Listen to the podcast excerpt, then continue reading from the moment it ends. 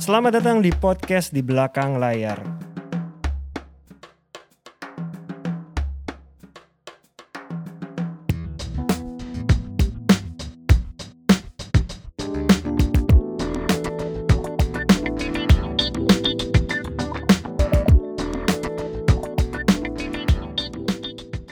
Halo teman-teman pendengar podcast di belakang layar. Hari ini kita di episode ke-34 Mas. Sudah 34 tiga- 34 minggu kita udah bersama-sama. Eh, hari ini yang kita undang adalah orang benar-benar di belakang layar. Ini orangnya kerjanya udah puluhan tahun. Gue juga udah puluhan tahun kalau nonton konser Selalu ada ada nama, dia. pasti ada nama ini.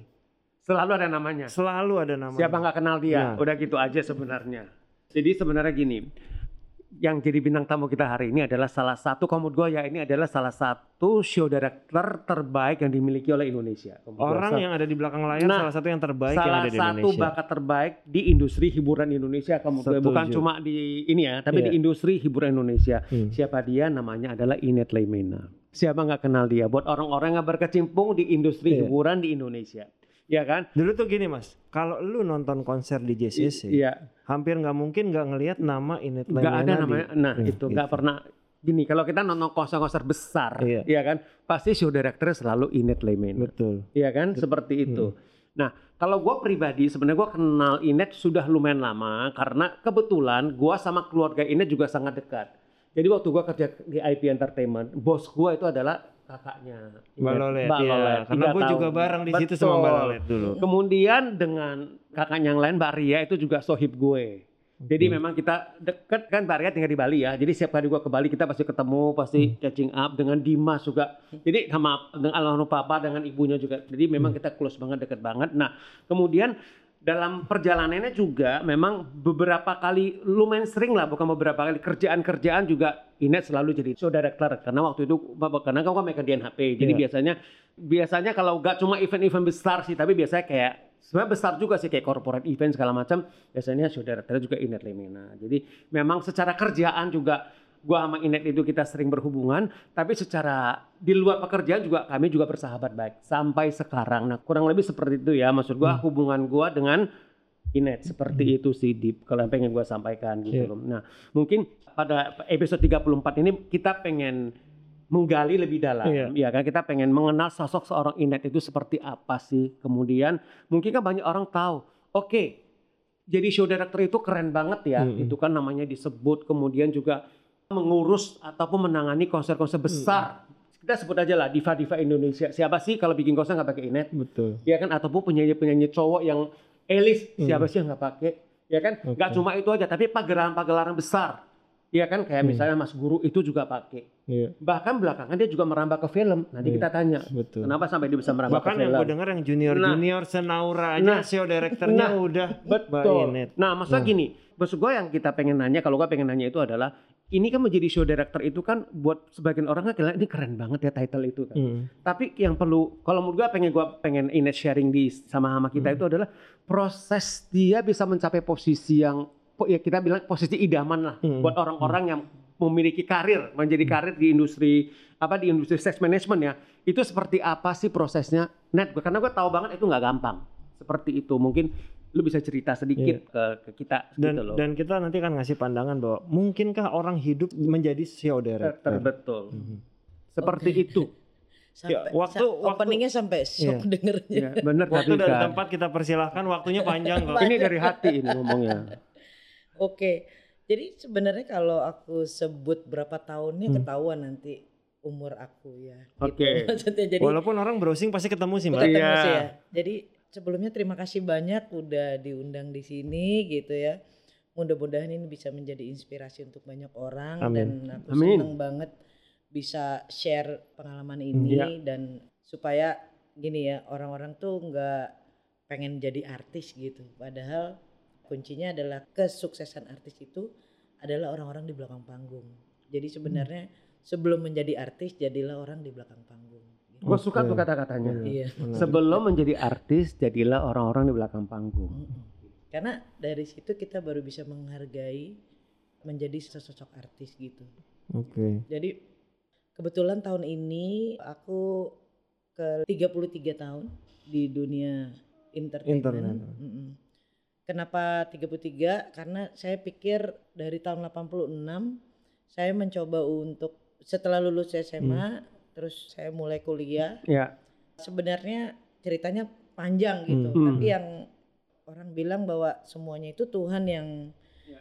yang yang apa ya, yang mainin caturnya Iya. kita tuh Hmm. ke mana gitu. Karena dan semua di keluarga saya itu punya punya arti tersendiri di Hmm. karir saya gitu. Oke. Hmm. Kenapa saya seneng karena kakak saya Lolita penari GSP. Ya. Oke. Jadi waktu kecil saya cuman apa nganterin makanan, Hmm. tapi saya udah seneng banget ngeliat wah Hmm. gila kakak gue di atas panggung gitu. Hmm. One day mudah-mudahan gitu. Nari Apalagi juga. deng- enggak, saya enggak nari. Dulu nggak maksudnya one day kebayang pengen nari juga. Pengen lihat kemegahan Oke. sebuah Pertunjukan, pertunjukan iya. guru waktu Hmm. itu Iya. kan. Iya. Wah gila keren banget Hmm. tuh kalau gitu. Tapi ternyata dalam perjalanan hidup saya yang mengajak saya bekerja di dunia Hmm. entertainment sebagai penyobek tiket Hmm. Hmm. itu adalah kakak saya nomor dua malahan. Mbak Ya, Ria. Lemena. Oke. Mbak Ria. Nah, Iya. Heeh. Jadi ternyata nggak dari kakak gue, jadi dari, dari Ria Nah, jadinya. Mbak Ria gimana c- bi- Ria ceritanya? itu dulu di kalau tahu Permata Hijau Selaras dulu, Pernah dengar gua? nah, Iya. itu kan eh, bawa Tina Turner, bawa Iya, Buffalo oke. Bills, Iya. Iya. semua David Copperfield Hmm, gitu-gitu di Istora. Iya. Nah dia ngajak, eh mau ikut nggak gitu, nyobekin tiket. Nah, Oh. Jadi penyobek tiket. Hmm. Oke. Udah saya, ya deh boleh-boleh gitu. Hmm. Kan kerjanya cuman dari sore ke malam, malam. jadi saya bisa kuliah lagi. Saya, saya sobek-sobek tiket. Hmm. Dalam perjalanan itu dipakai terus jadinya. Tina Penyobek Turner, tiket. penyobek Oh. tiket, hanya penyobek. Jangan pernah menyepelekan penyobek tiket tiket. nih ya. Nah, itu itu kata kuncinya, Dik. Habis itu David Copperfield yang Iya. pertama, Hmm. saya naik jabatan. Ah. Saya naik jabatan menjadi koordinator penyobek tiket. Oke. Oke. Tapi Gitu. masih nyobek kayak Masih itu. nyobek. Eh, Ah, kalau enggak. koordinator Oh, udah Koordinator nyobek. lagi. Memilih orang yang menyobek. Oke. Sebenarnya juga enggak, jadi cuman ngontrol aja nih Oke, bahwa semuanya iya. standby sebelum buka Iya, pintu iya, harus gitu-gitu Iya, ngabsenin. iya. Jadi sebenarnya bukan posisi yang Iya. bos juga, cuman Iya. ngabsen, makannya Iya, mereka harus iya, ada. iya. Tapi di situ tuh lah titik awal saya Hmm. gitu. Karena waktu itu David Copperfield yang pertama Hmm. Karena saya jadi koordinator, jadi boleh di dalam. Hmm. Oke. Tapi suruh tanda tangan, pokoknya Oh nggak jadi boleh semua di di di ini ya apa Nah, di- yang terbatas yang, yang boleh terbatas masuk. lah. masuk. Jadi saya cuma boleh tanda tangan, pokoknya nggak boleh ngomong apa pun juga Iya. di luar ini. Tapi sebenarnya bukan itu jadinya. Jadi saya ngeliat di belakang panggung karena lagi nunggu gitu. ya. Hmm. Ini orang semua baju hitam-hitam, Hmm. kagak ngomong, kerjanya cepet banget. Ya namanya Oke. sulam kan Iya, dia. Iya kan? Jadi Iya. wah gila nih keren nih gitu. Hmm. Sebenarnya Oke. itu sih yang bikin aku jadi menarik. Hmm. Triggernya di sana, Bro. Sebenarnya itu Copperfield. Iya. orang itu kan beda ngelihat kakak saya yang wah lari iya, kepegang Hmm.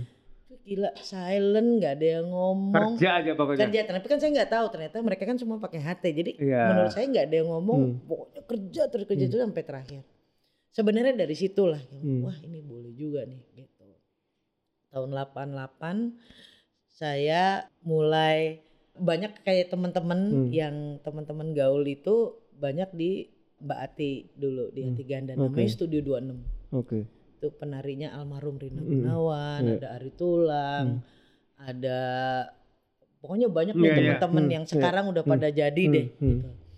Saya iseng nongkrong terus bilang, "Ayo udah yuk, ikut aja bantu-bantu." Hmm. Saya mulai jadi kru kostum.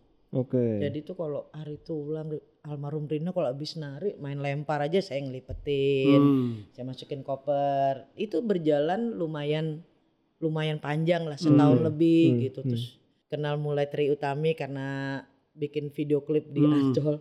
Terus saya ngelipetin kostum-kostumnya juga. Hmm.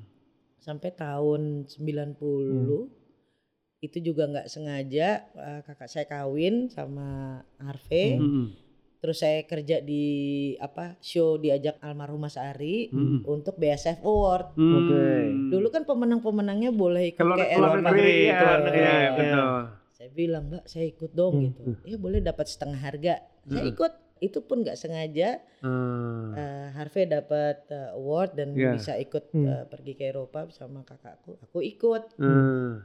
Saya juga nggak ngerti apa yang terjadi. Pokoknya saya terus jalan Hmm. sama mereka dan kota terakhir adalah Geneva. Oke. Dari Geneva mereka pulang. saya stay karena Hmm. kebetulan lagi Hmm. sepupu saya memang tinggal di Genève. Oke. Jadi ya udah pulang, udah saya extend gitu. Lagi jalan-jalan di kota Mhm. Genève itu kan ya, Hmm. tiba-tiba saya lihat kok ini kayak Orang Indonesia. orang Indonesia. Ternyata penarinya Mas Guru, Hmm. Hmm. Mbak Inun. Oke. Loh Mbak, iya, kita lagi show nih Net, main-main dong gitu. Oh iya deh kita main, aku ke Noga Hilton. Hmm. Saya main cuman pengen lihat Iya, aja nonton. ternyata state manajernya almarhum Mas Ari. Oh Net, sini bantuin gua nih. Tapi nggak ada uangnya, nggak apa-apa deh Mas bantuin. Jadi di situlah Hmm. Oke. saya di tahun 90 yang saya happy sih bukan bekerja Hmm, untuk maksudnya show-nya tapi saya bekerja untuk seorang guru Soekarno Putra Iya, yang dari itu kecil saya kagumi Waktu itu lo bantuin apa? Jadi stage crew. Oke. Oke. Jadi stage crew aja. Ingat nggak ngangkat-ngangkat. pertama kali yang dikerjain ngapain di Uh-uh. sana? ngangkat sayapnya itu sampai sekarang saya ingat. Jadi eh, Mas Guru kan suka heboh kalau Iya. show. Jadi Mas Guru itu namanya Dewa, penariknya itu itu nggak bisa saya lupain. Dia jadi Garuda. Oke. Jadi setiap dia habis selesai Iya. itu nomor satu kerjaan saya harus mencopot si ranselnya si burung itu Oke. Oke. gitu sama dorong si pelatarannya candinya Bali Oke. gitu. Itu berapa hari show-nya? Show-nya satu hari, latihannya lima hari. Oke. Jadi saya Pas banget lagi extend, ya itu ya. extend, Iya. extend itu seminggu. Gua Saya kerja. seminggu lebih, Hmm. enam harinya saya kerja, Ya. empat harinya cuma ketemu sepupu saya deh begini. Iya. Kamu sebenarnya mau apa sih di? Tapi ternyata itu Iya. itu titik titik awal aku gitu.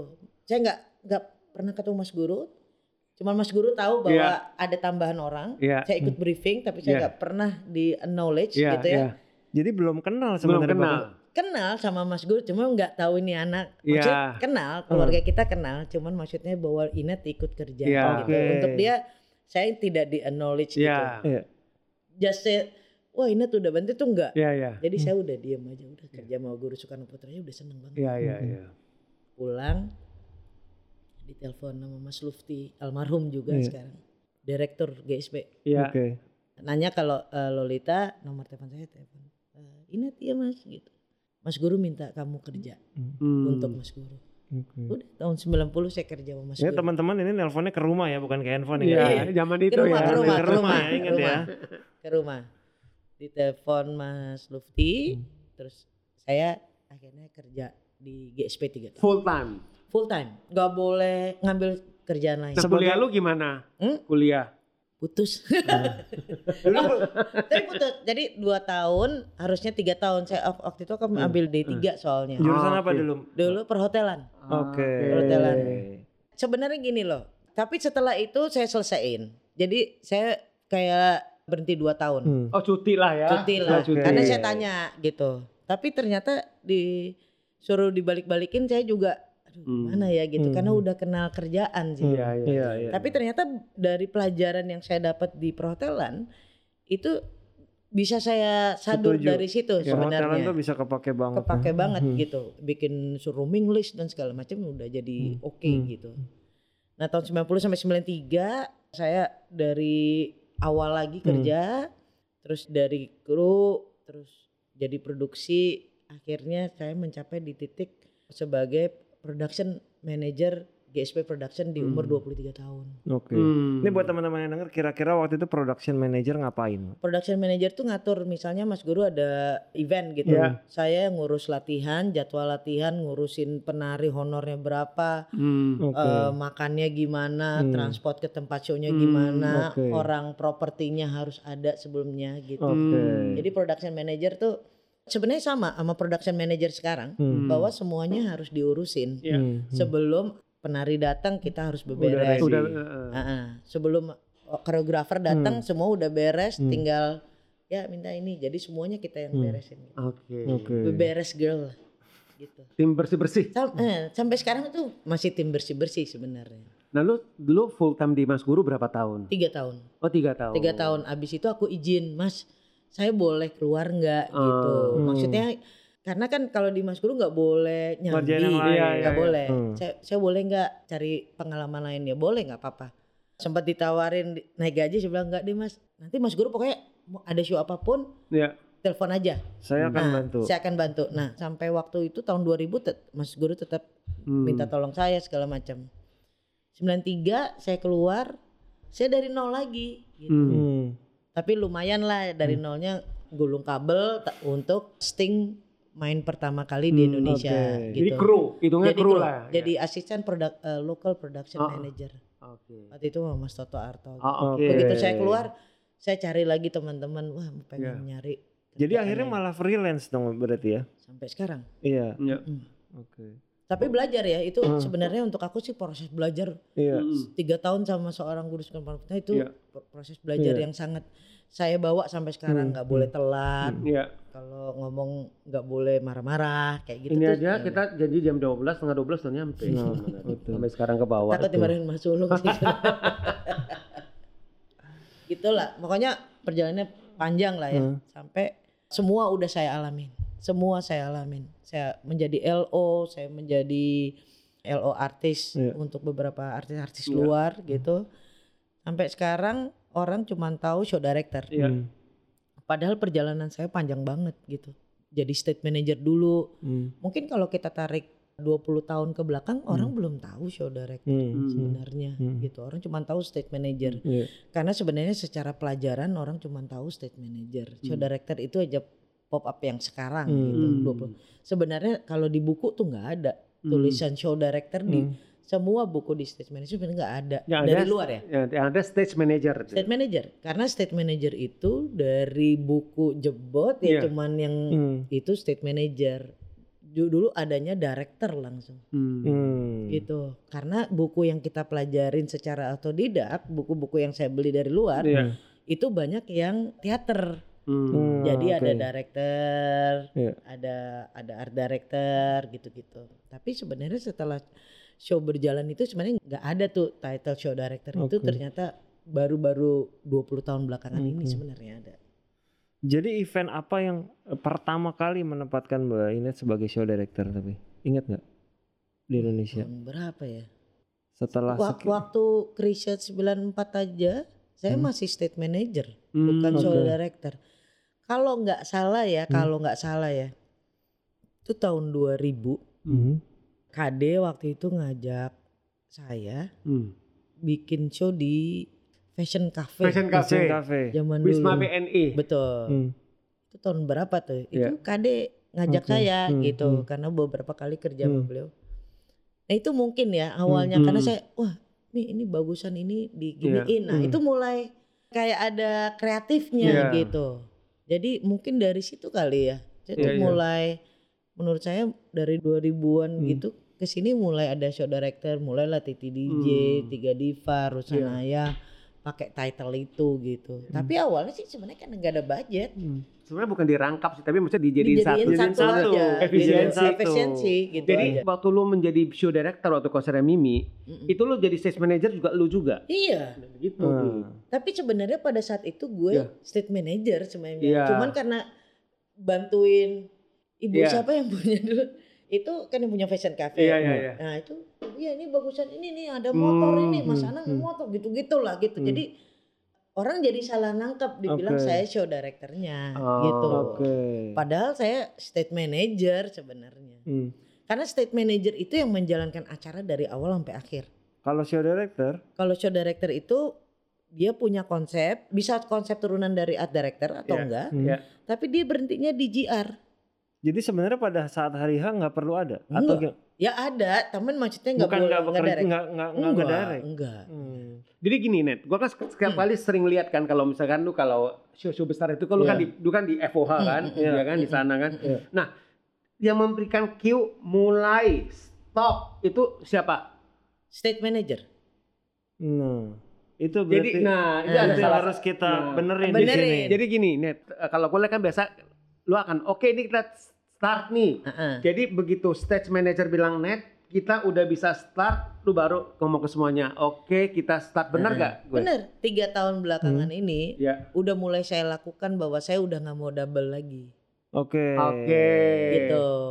Karena orang harus tahu gitu Oke. bahwa saya memang ada di FOH, Iya. Iya. cuman kalau sampai ada apa-apa, jadi gini, sebagai show director tidak boleh menginterfere stage manager. Oke. Oke. Itu sangat tidak boleh. Oke. No no Iya. gitu.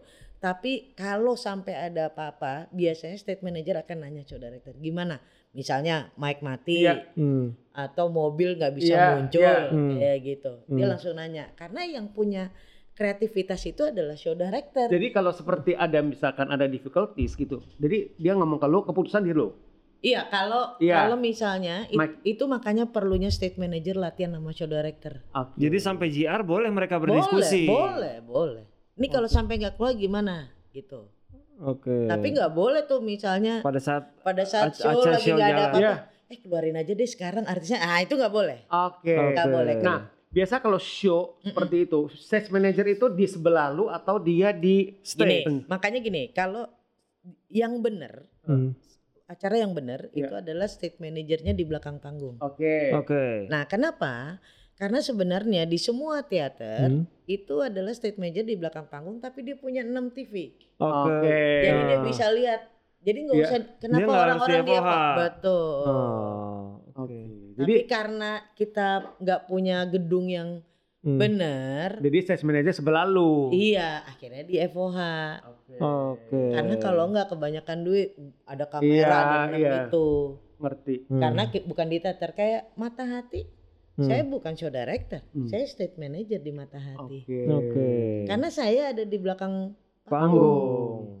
gitu. Oke. Kayak Naura, Iya. saya sebagai stage manager sebenarnya di Naura. Hmm. Karena Ah. saya ada di belakang panggung. Oke. Karena saya make sure bahwa ada yang terbang itu nggak ganggu Iya. orang-orang yang di bawah. Net berarti selama ini lu bisa masa gini, selama ini apakah lu tetap mau memposisikan diri lu sebagai show director aja atau juga misalkan kalau misalkan mereka pengen minta lu jadi stage manager, nah lu sekarang gimana Nggak positioningnya? apa-apa, nggak apa-apa. Oke. Karena gini, kalau Java Jazz, Hmm.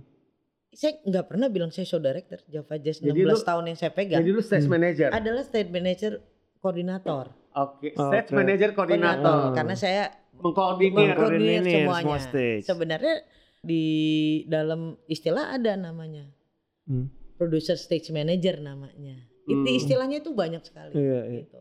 Jadi sebenarnya ini yang yang yang supaya orang-orang tahu gitu. Iya. Jadi kalau artis asing ke sini nggak ditanya show directornya mana. Stage manager siapa? Benar.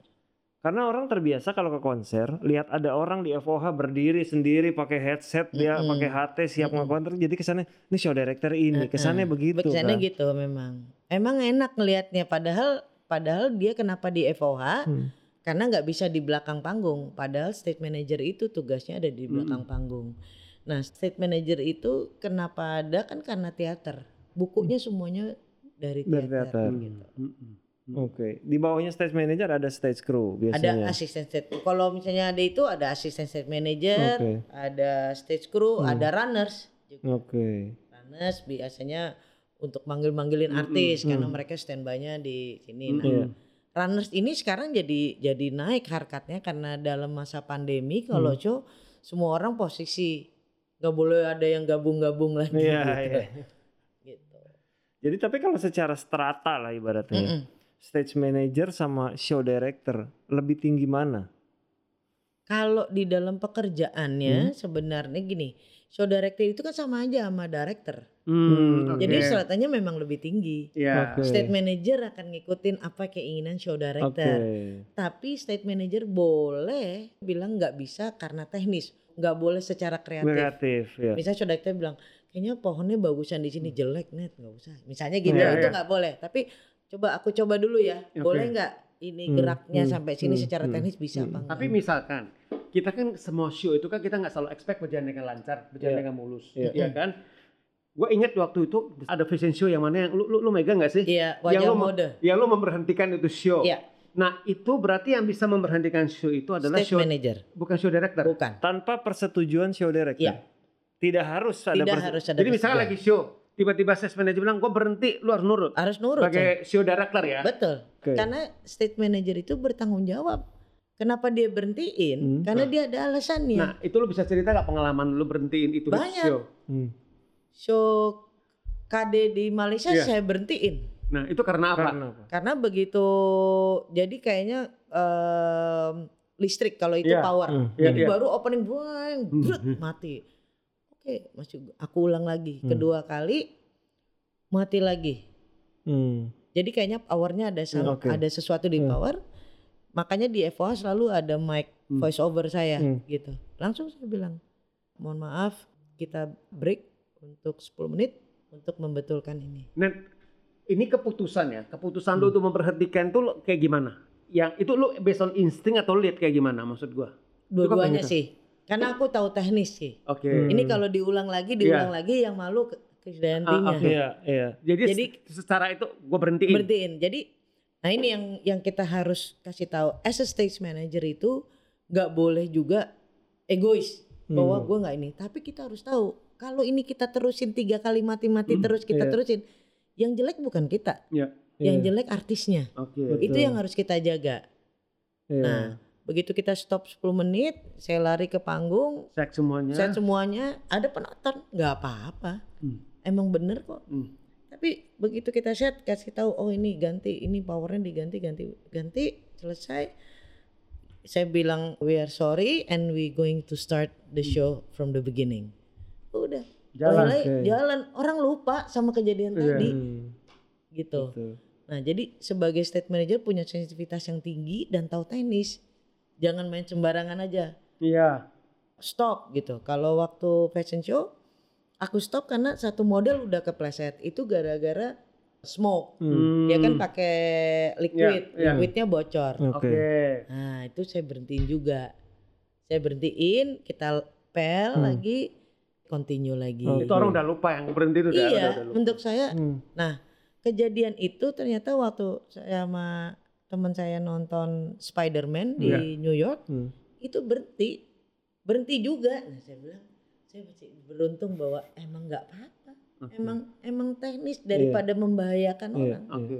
gitu jadi nggak masalah Oke. Gimana biasanya kalau melibatkan klien? Misalnya Iya. contoh. Iya. opening ada sesuatu Iya. persembahan dari klien dan bermasalah. Iya.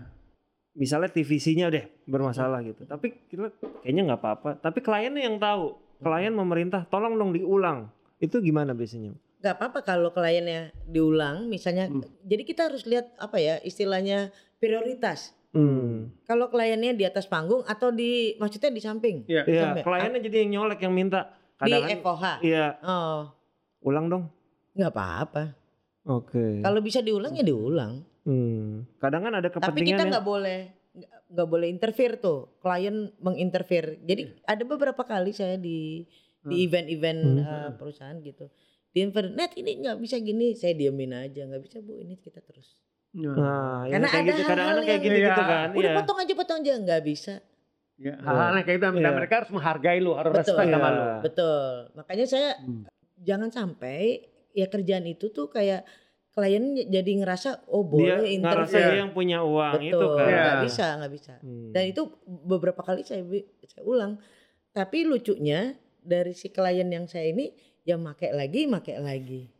Tapi mungkin dari situ dia bilang, Iya. oh ya udah memang gua nggak boleh interfere gitu.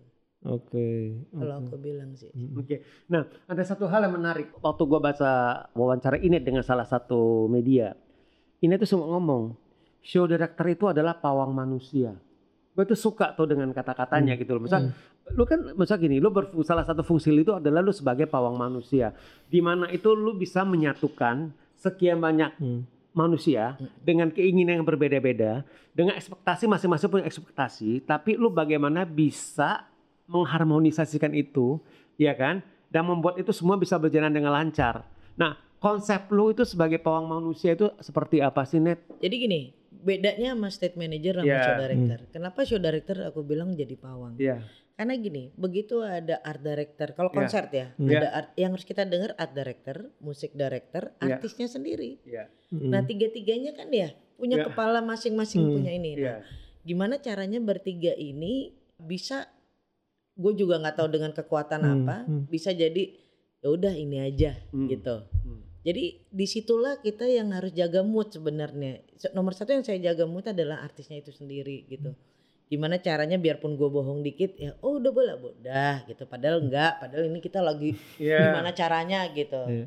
Contoh soal waktu Rosa konser, Hmm. kan panggung yang didesain Mas Jai ini bergerak Hmm. Iya. ya di GR nggak ada masalah 15 menit eh, sebelum Sebelum show. Salah satu roda yang Hmm. di tengah itu patah Hmm. Oke. yang tahu gerakannya itu saya Hmm. sebagai show director waktu itu ada stage manajernya juga akhirnya saya tuh di bawah panggung Hmm. menggeser empat orang itu Oh bisa digituin ya? Ngejaga, iya bisa ngejaga. cuman nggak bisa didorong biasa gitu Rosanya tahu nggak waktu itu? Rosanya waktu briefing saya cuman bilang, eh pokoknya semuanya nggak ada masalah, masalahnya saya akan ada di bawah. Hmm. Jadi jangan khawatir, lakukan seperti JR. Oke. Jadi satu-satunya show yang nggak saya tonton adalah shownya Rosa, karena saya di bawah panggung Sepanjang show. sepanjang show. Karena kan gerak terus Hmm. panggungnya. Dia- Jadi lu aturin kayak gini? Nah, jadi ada Hmm. empat Iya. kanan gitu. Saya cuman ada minta satu kamera di Iya. Ah, ini untuk saya lihat Kontrol aja, ya. kontrol aja. Oke. Menarik ya? Nah jadi kalau state manager itu punya kuasa penuh, Hmm. sangat penuh di atas panggung dari awal sampai akhir. Oke. Jadi sampai saat sampai tahun sekarang pun kalau aku lagi show banyak juga jadi state manager nggak show director. Hmm. Iya, karena orang yang belum paham pasti menginvite atau mengundang Mbak Inet sebagai show director. director. Ya. Nggak apa-apa gitu emang. Tapi sebenarnya saya lebih senang karena kalau ke luar negeri kan saya juga banyak show keluar. Hmm. Nomor satu yang dipuja dan dipuja adalah state manager. Hmm. Oke. Kayak masuk Esplanade, Hmm. wah saya lebih artis daripada penari saya. Hmm. Karena dijunjung tinggi Hmm, hmm. Sebagai state manager itu di sebuah teater. Itu lu nggak boleh nyapu sendiri, minumnya Hmm. dikasih apa. Wah itu di Nah sampai sekarang, sampai sekarang. lu masih menjalankan fungsi kedua itu nggak? Misalnya dalam Masih. show me- mereka minta lu dua fungsi itu, masih lu terima? Kadang-kadang udah enggak, udah tiga tahun ini saya pisahin. Oke. Saya Milihnya sebagai apa? Karena Ah-ah. udah dipilih, lu memilih sebagai apa? Iya. Kalau aku mendingan jadi show director. Oke. Karena biar teman-teman yang dari bawah Ya. Bisa, bisa naik. jadi naik jadi state manager. Iya. Kalau lu udah jago lu bisa gantiin aku jadi show Oke. director Oke. Oke. gitu. Iya, iya. Kali aja gue jadi produser kan mungkin aja ya. Bisa banget. Bisa banget. Nah. Itu sih pertanyaan gue selanjutnya dari sekian puluh tahun perjalanan. Ini udah orang tahunya Mbak Inet ya freelance terus. Kepikiran gak sih bikin apa promotor, event organizer sendiri atau intinya tim sendiri? Kalau setiap ditanya seperti itu, Hmm. ini balik lagi ya. eh, 15 tahun yang lalu Hmm. ada orang maksudnya ada orang yang mengetahui cerita ini 15 tahun yang lalu ada orang datang ke kantor Hmm. ngasih 15 tahun yang lalu 400 juta. Hmm. Gue kasih lu 400 juta. Lu bikin IO pakai nama lu. Itu saya tolak. Saya bilang, saya nggak jago di manajemen. Hmm.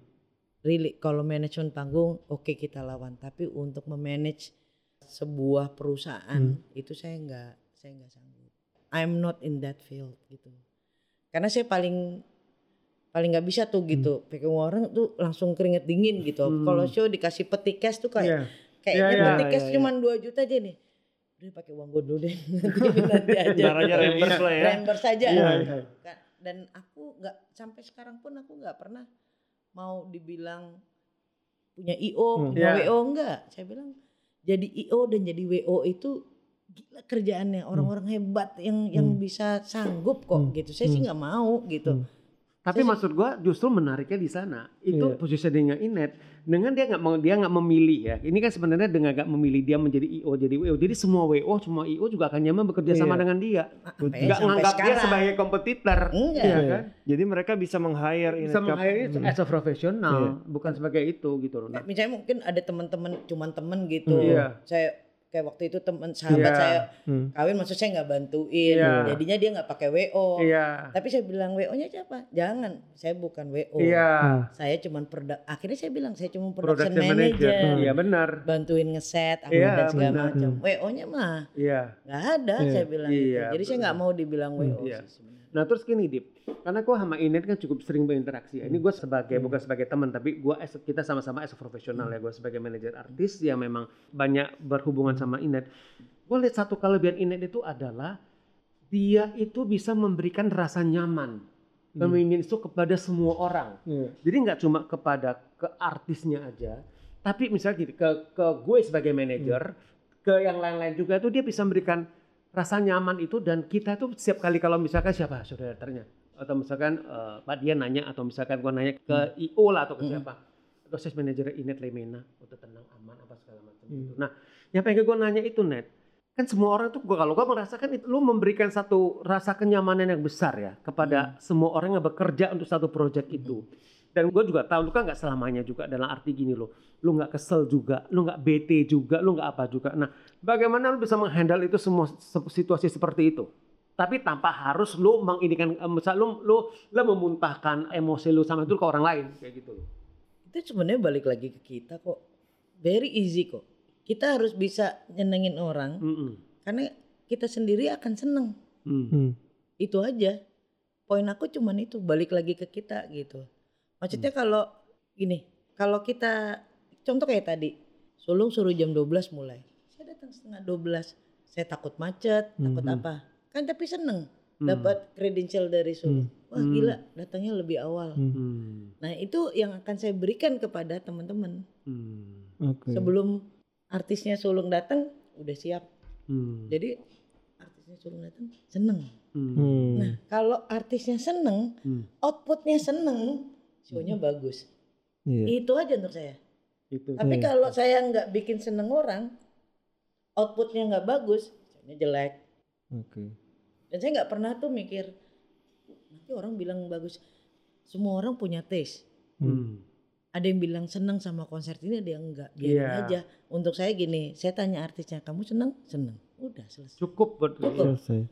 Tanya kliennya, are you happy? Happy. Padahal kita tahu ada kesalahan. Iya iya iya. Oh, very happy. Thank you Net. Udah. Itu sebenarnya credential kita Iya. gitu. Itu paling senang masuk di buku nama kita. Iya. Itu tuh sebenarnya artis turun bilang thank you ya Net, thank you Hmm. semua. Wah, itu kayak diguyur air dingin uh, di panas-panas gitu. Itu Kan- tuh apresiatif itu yang kita perluin sih. Sebagai Iya. orang yang di belakang panggung sih. Ya karena pada dasarnya kita juga nggak bisa ngebahagiain semua orang Iya, juga. betul. kan? Benar, kita Betul. bisa. Tapi kan orang nggak tahu. Ya, sama orang yang di belakang di mute aja Iya. langsung berantakan gitu. Iya Iya, benar. Iya. Iya kan? Iya, kita iya. harus bikin seneng mereka Iya, untuk iya. bisa kerja, Hmm. bikin soundnya bagus, Iya Hmm. betul. ya kan? Iya. Didengarnya juga Hmm. orang Oke. enak. Hmm. Kan we have to support them. Iya. Iya. Itu sih sebenarnya. Betul dan Mbak Inet ini kan karena freelance, Iya. pasti kan bisa bekerja sama dengan siapa pun. Siapa pun. IO siapa pun, promotor siapa pun. Iya. Jadi banyak berkenalan dengan orang baru. Betul. Gimana biasanya lu ketika ya pasti misalnya seminggu atau sebulan 4 atau sampai 6 event. Iya. Semuanya timnya berbeda. Iya. Gimana biasanya lu memulai untuk bertemu dengan tim yang baru Iya. gitu, Mbak? Kalau aku sih karena nggak tahu ya orang karena mungkin dari dulu tuh Hmm. harus milih orang yang bener posisinya nih ini. Jadi kayak kayak kayaknya dia deh nih gitu. Hmm. Nah tapi kalau sama orang baru pun Hmm. sebenarnya aku sih membuka hati aja. Hmm. Ini gue Hmm, gitu. hmm, hmm. Jadi aku selalu bilang sama WO baru, Hmm. IO baru yang Hmm. benar. Saya akan bilang, saya orangnya belak-belakan ya. Hmm. Jadi kalau saya bilang ini jelek, saya akan bilang ini jelek. Oke. Dia bilang, iya nggak apa-apa mbak gitu. Ya terima apa adanya Hmm. itu aja untuk aku. Nggak ada yang harus aku tutupin supaya nanti dapat job lagi dari IO lain Hmm, gitu. hmm, Kadang-kadang suka gini, mbak di budgetnya segini ya nanti ada show-show yang lain. Nah, saya nggak percaya sama yang hal kayak gitu. Saya cuman bilang sama mereka, emang yang ngatur ini gue lo bukan gitu. Kan suka gitu Iya, lah. iya, iya. Nanti ada deh Pasti nanti ada produksi lagi lain. nanti. Enggak lah, aku nggak percaya lah. gitu. Pokoknya kalau kamu oke sama saya, ya silakan pakai. Gitu. Oke. Keterbukaan kok, karena kan Iya. kalau aku bilang di dunia di stage management ya, khususnya siapa pun ya, Hmm. Kalau kita nggak pernah bisa membuka diri, karena Hmm. kita tuh nggak bisa kerja sendiri. Iya. Hmm, hmm. Kita tuh punya tim, jadi kalau kita nggak buka hati sama dia, dia nggak akan buka hati sama dia, bisa Hmm. dipencet aja nih. nih. Hmm. Nih, mati Iya. loh gitu. Iya. Mati deh mic-nya Iya. gitu. Jadi memang harus harus terbuka lah gitu. Iya. orang salah ya nggak apa-apa Iya. namanya juga manusia gitu gue lupa iya nggak apa-apa Hmm. nah di situlah kita state manager harus bisa merangkul mereka bahwa kita kasih tahu tanpa kita artis itu nggak akan bisa berdiri sampai sekarang Hmm. Ya Soalnya- intinya harus merangkul walaupun kadang kita merasa senior tapi mereka baru itu Oh yang harus iya, kita harus kok gitu. ya kan. gimana caranya ngomong sama yang udah senior sama junior aja Hmm. beda Hmm. sama Naura ngomong Naura besok Iya. jam segini sama ngomong sama Rosa aja beda Iya. Hmm. gitu aja gitu Iya. Oke. so Ini- tahu aja sih tapi berhasil Ini buat teman-teman yang dengar Mbak Inet. Pasti udah pada banyak yang dengar seorang Mbak Inet sebagai show director. Jadi kalau mereka mau ada di posisi itu, apakah mereka harus mulai dari bawah atau gimana biasanya? sebenarnya gini show director itu sebenarnya harus satu harus kreatif karena namanya show director Hmm. Oke. gitu dia harus kreatif oke ini dari sini kayaknya harus muncul Hmm. harus kreatif kedua adalah dia harus tahu teknis dia nggak usah harus dari bawah Hmm. nggak usah tapi dia harus mau belajar Hmm. Oke. kayak saya zaman dulu sebelum saya jadi show director saya Hmm. cuma nanya ini untuk apa sih sama sound Ya, engineer oh ini untuk naikin mbak ini untuk mute Hmm. gitu oh, oke terus ini untuk apa oh ini untuk ini ini balance ini balance ini Hmm. misalnya Hmm. gitu Hmm. Nah, terjadilah karena untungnya saya belajar, terjadilah di show maaf saya sebut lagi, Dayanti lagi di Hmm. Bandung, Mas Edi Heart Attack sound Hmm. engineer. Oke. Hmm. Saya lompat itu tiga lagu terakhir. Karena saya belajar, saya lompat.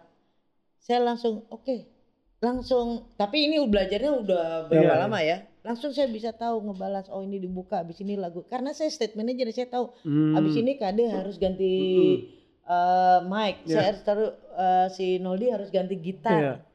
Kapan di mute, kapan di ini. Kan saya nggak usah balance karena Iya. tinggal dinaikin. Saya belajar lagi udah lama. Hmm. Mas Iwan, ini apa sih? Oh ini feather mbak, ini untuk naik, ini Hmm. satu dua. Jadi kalau kalau saya di FOH saya belajar. Kejadian lagi di shownya Rosa Iya. di Surabaya. Mas Iwan sakit tifus. Jadi Di dia hari udah H, JR. sakitnya Dia di- ya. JR dia udah program.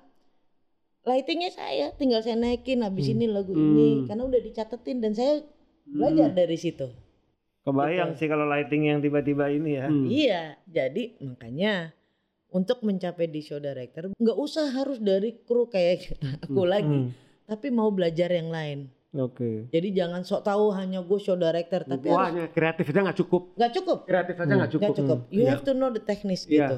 Kadang-kadang dari tiga tempat, Hmm. misalnya dari box ini, gue ke kiri aja, main ke kiri Iya. aja. Orang nggak ada technical Hmm. areanya gitu. Iya. Jadi tetap harus belajar. Aku aja ngerasa setahun ini, aku juga pasti banyak belajar. Iya, apalagi dengan sekarang perkembangan online ada sesuatu hal yang baru lagi nambah-nambah pasti ya kan. betul. Sekarang FOH nambah lagi nih satu, ada udah lighting, Hmm. udah mixer, sekarang ada online ada online online. kan. Tapi kan dulu biasanya juga ada anak-anak multimedia Iya, kan, tapi iya. sekarang mereka lebih besar. Iya. dan dan untuk aku jangan pernah jangan pernah malu gitu untuk Hmm. belajar gitu kedua kayak sekarang nih beberapa teman-teman yang Hmm. dulunya cuma jadi production crew Hmm. itu sekarang udah jadi hebat-hebat karena Hmm. mereka sekarang jadi pegang alat dan segala Iya, macam gitu dan untuk aku nggak malu lagi Iya. kita akan berputar dan kita Hmm. malah banyak belajar sama dia Iya. dia juga banyak belajar Hmm, dari kita dan kali ini menurut aku kita apa ya memetik buah yang Hmm, hmm. dulunya kita baik sama dia sekarang Iya. dia mau pinjemin Iya. kamera Hmm, kayak hmm, gitu hmm. Ya intinya kalau lu sekarang lagi nyobek tiket jangan malu. ya Iya. jangan Iya. Siapa tahu itu awal dari semuanya. dan bisa belajar untuk yang lain Iya. gitu. dan mau belajar Iya, sebenarnya iya. itu sih Karena buat gue dunia event itu dunia yang sangat mudah belajar ke yang lain. Iya. Karena lo saling ketemu antar Betul. divisi Iya. kan. betul Iya. betul Kalau lo kerja di kantor, lo mau ketemu orang finance jauh. Jauh. Kalau di event kan lo nyobek tiket ketemu orang di FOH, Apa? ketemu dengan lain Betul. sebenarnya Iya. lebih mudah untuk Iya. belajar. Iya, exactly. jadi sebenarnya aku anggap 33 tahun ini sebenarnya aku berproses sih Hmm. belajar berproses gitu. Saya belum belum nyampe yang sehebat siapa gitu ya, Hmm. tapi ini proses soalnya. Hmm. Dengan ada pandemi ini untuk aku aku syukuri bahwa aku belajar lagi gimana pegang kamera, gimana soal editing itu aku Hmm. belajar lagi gitu loh. Hmm.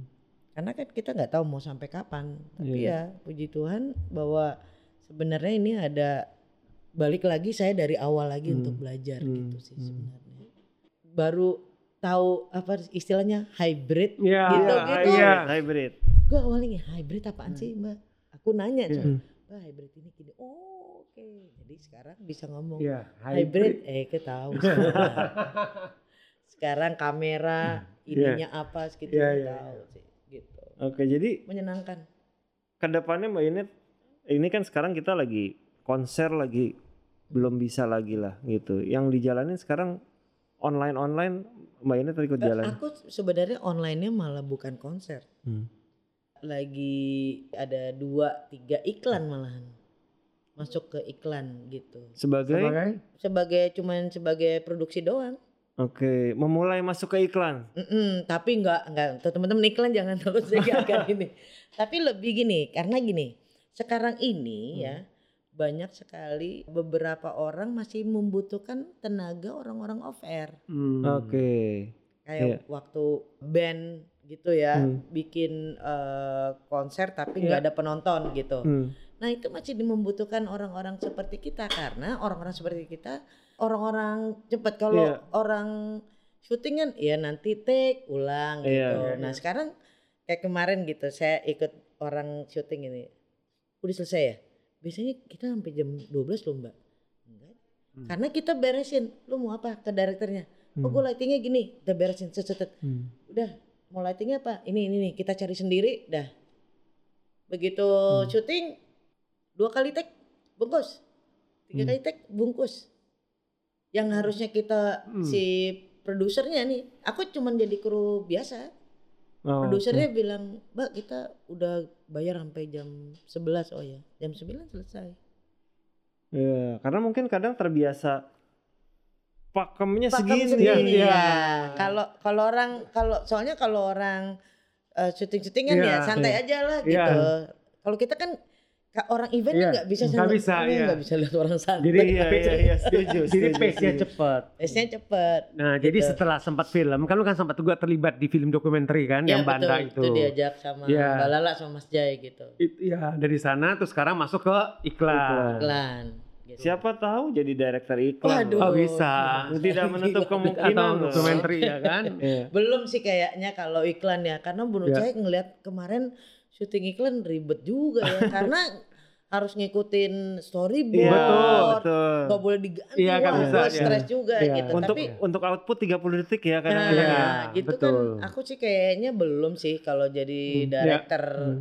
apa sebuah iklan Iya. gitu ya sama film juga kalau film dokumenter kali nggak apa-apa ya. Iya. kalau film yang ada Iya. dialog wah saya enggak deh Iya, iya. gila pernah datang ke sebuah syuting temen Hmm. gitu ya cut bilang wah gue stres deh kalau udah dekat gue stres deh gue nggak jadi deh ama banget kan Iya, gitu iya, iya. jadi untuk Iya, emang iya. saya nggak akan ngambil ke film Iya, itu tapi untuk bantuin temen-temen. Hmm.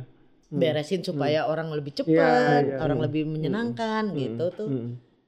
Ya kita ikut aja kayak fashion Hmm. show waktu itu kan Nusantara itu Iya. Nov fashion show tapi online kayak Hmm. gitu-gitu. gitu. Tapi kan tetap butuh orang-orang off air sih. Gitu itu sih. sebenarnya.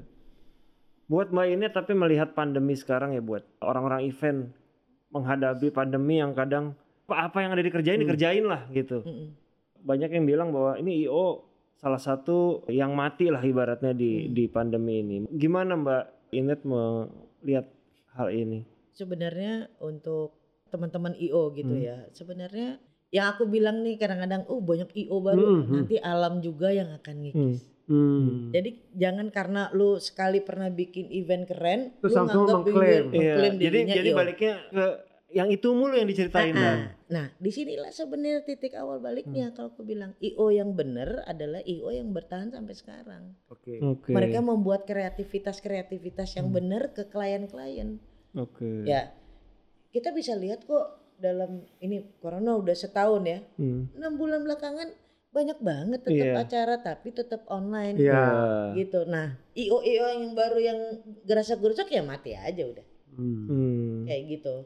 Dan untuk aku jangan pernah merasa ini adalah Tuhan ngasih ini Hmm. enggak ini sebenarnya menjadi titik awal kita yuk kita bikin apa sih Hmm. gitu kayak FFV kemarin kita bikin gimana Iya. caranya Hmm, hmm. supaya prokesnya terjaga orang-orangnya seneng nggak Hmm. terganggu semua Iya. bisa berjalan Dan berjalan dengan lancar. Gue Iya. datang waktu Iya. itu. Hmm. dan nggak ada klaster baru Nggak ada. gitu Iya, nah iya. itu aja sebenarnya Iya. itu sebenarnya kita yang jadi harus kreatif gimana caranya membuat itu sih Semua berjalan dengan lancar walaupun pandemi tetap ada. Iya. tetap gitu. ada itu yang yang yang kita lagi gali sekarang ya Hmm. sama teman-teman sebenarnya kalau IO sih nggak masalah yang paling yang paling kasihan sebenarnya siapa coba promotor Iya. Hmm. Gue setuju. Iya, iya. karena promotor itu yang paling kasihan menurut Iya. saya kalau IO masih banyak Iya. Iya, iya. event-event Masih ke, masih ke online. klien Iya, pun masih ada promotor. lah. ya. promotor yang paling Iya, kasihan iya, gitu iya. kalau menurut aku tapi ya ini mudah-mudahan dengan kita bantu-bantu semua Hmm, iya. teman-teman kemarin yang mencoba untuk yang kemarin ada drive in Iya. mencoba itu tuh nanti mungkin ada ada nanti kalau nggak salah jazz eh, Prambanan tuh Hmm. lucu tuh Hmm. pakai Mobil. mobil Hmm. itu seru nah itu kan kreativitas Iya, itu iya, kalau kita iya. mau jalan kita mau itu ya kita pakai kreativitas Dan vaksin kan untuk para pekerja seni kan sudah mulai cukup masif kan. Iya. Ya, jadi tapi itu kan juga bukan Iya, berarti bukan berarti bukan ya. berarti nggak kena nggak kayak kena gitu kan. gitu. Iya. Tapi kalau kita prokesnya Benar, baik sih, menurut aman. aku sih mudah-mudahan Indonesia Iya. di pertengahan tahun pelan-pelan ya gitu ya. Kita juga Sama seperti itu ya Net ya minggu lalu ya kita ya. Yang ada acara di ada Lewis Organik, itu. Itu, kan, juga prokes gitu. Iya. Kenapa nggak ada MC? Kenapa Iya. kita jalannya gini, tapi kita feeling gitu. Iya. Gimana caranya orang butuh itu kok. Iya. Iya. Orang butuh hiburan Iya. tapi ya orang juga capek online terus ya. Iya. Iya. Betul. Sekarang istilahnya hybrid. Hybrid. Hybrid. Kombinasi kan on air Kombinasi, kan. betul. Walaupun Iya. hybrid hybrid kemarin lihat, aduh di luar negeri Super Bowl penontonnya Iya. tetap banyak. Iya, nih. Iya, itu Bilang, gila. Iya. gila nih. Oscar juga penontonnya Oscar tadi tetap ada. cukup loh. Tadi Iya. lumayan cukup Iya. banyak loh itu. Mm. Iya. Ya mudah-mudahan lah ya bisa ini. Iya mudah-mudahan keadaan akan lebih baik. Lebih Jadi baik kita lah. bisa kalaupun bikin event hybrid penontonnya agak sedikit mulai lebih banyak. sedikit. Iya, Iya. jadi ditambah coba. kapasitasnya. Iya, yang penting prokes sih. Iya. Ini juga lagi membantu mudah-mudahan mudah-mudahan di Juli nggak tahu mudah-mudahan Iya. Hmm. Java Jazz bisa ada Iya, amin. gitu dengan prokes yang sangat Iya. ketat Hmm. gitu ya yang mungkin kita juga akan bantu teman-teman Iya. gitu. Gitu aja. sih. Mudah-mudahan sih. Mudah-mudahan. Iya karena Java Jazz tahun lalu kayaknya event besar terakhir sebelum akhir Iya. itu kan. Betul. Iya. Gue sempet datang gue lihat wah benar-benar kebagian terakhir nih. Hari Minggu, Seninnya saya check out dari hotel, masih Hmm. makan sama beberapa teman. Hmm. Habis itu Di siang itu baru ada di detik Pak Jokowi Dua orang itu ya, ya, kena, ya. pesa- apa pasien satu dan dua. Iya. Gitu. Padahal di luar negeri udah lagi tinggi-tingginya, Iya. orang luar negeri lagi pada datang. Nah makanya waktu Java Jazz terakhir, Hmm. yang paling takut adalah tim saya, Hmm. karena kan ada beberapa artis dari luar. Iya, iya, iya. Kita tuh udah pakai ini, pakai Iya. sarung tangan waktu Hmm. yang tahun lalu. Oke. Karena kita bertemu langsung dan Iya. connect langsung Iya, sama iya, artisnya, iya, iya. megang megang alatnya dia, Iya. itu udah udah kita takut sebenarnya. Iya, Makanya iya. kita garda nomor satu kan. Hmm. Iya, iya, iya. Mbak Ine terima kasih banyak. Sama-sama aku yang terima Ini kasih. panjang banget loh Iya. kita. Eh sorry. Sejam lebih Nggak gak apa-apa. dong. Intinya Iya. kita pun jadi banyak dapat Belajar. knowledge gitu Iya. mengenai stage manager dan show Iya. director. Kita berharap ada another Mbak Inet Mbak Inet Iya. lain yang berikutnya. Pasti dong. banyak kok. Iya. Udah udah mulai banyak sih. Iya. Amin semoga. Karena bikin webinar Iya. gitu. Orang juga baru tahu kok. Pertanyaan terakhir Mbak Inet pengen bikin sekolah buat show director gitu gak sih?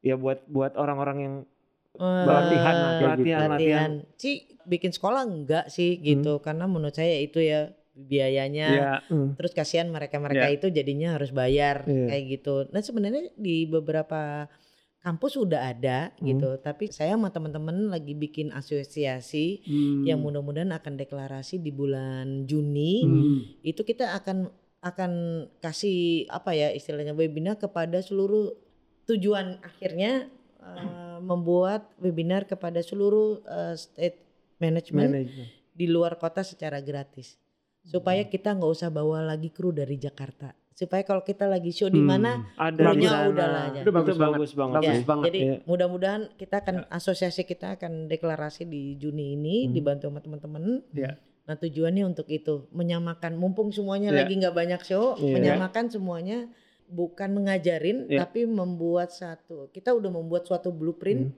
tentang show director apa state manager apa supaya semua di seluruh Indonesia tahu gitu. Hmm. Amin. Semoga dilancarkan. Amin, Amin. doanya.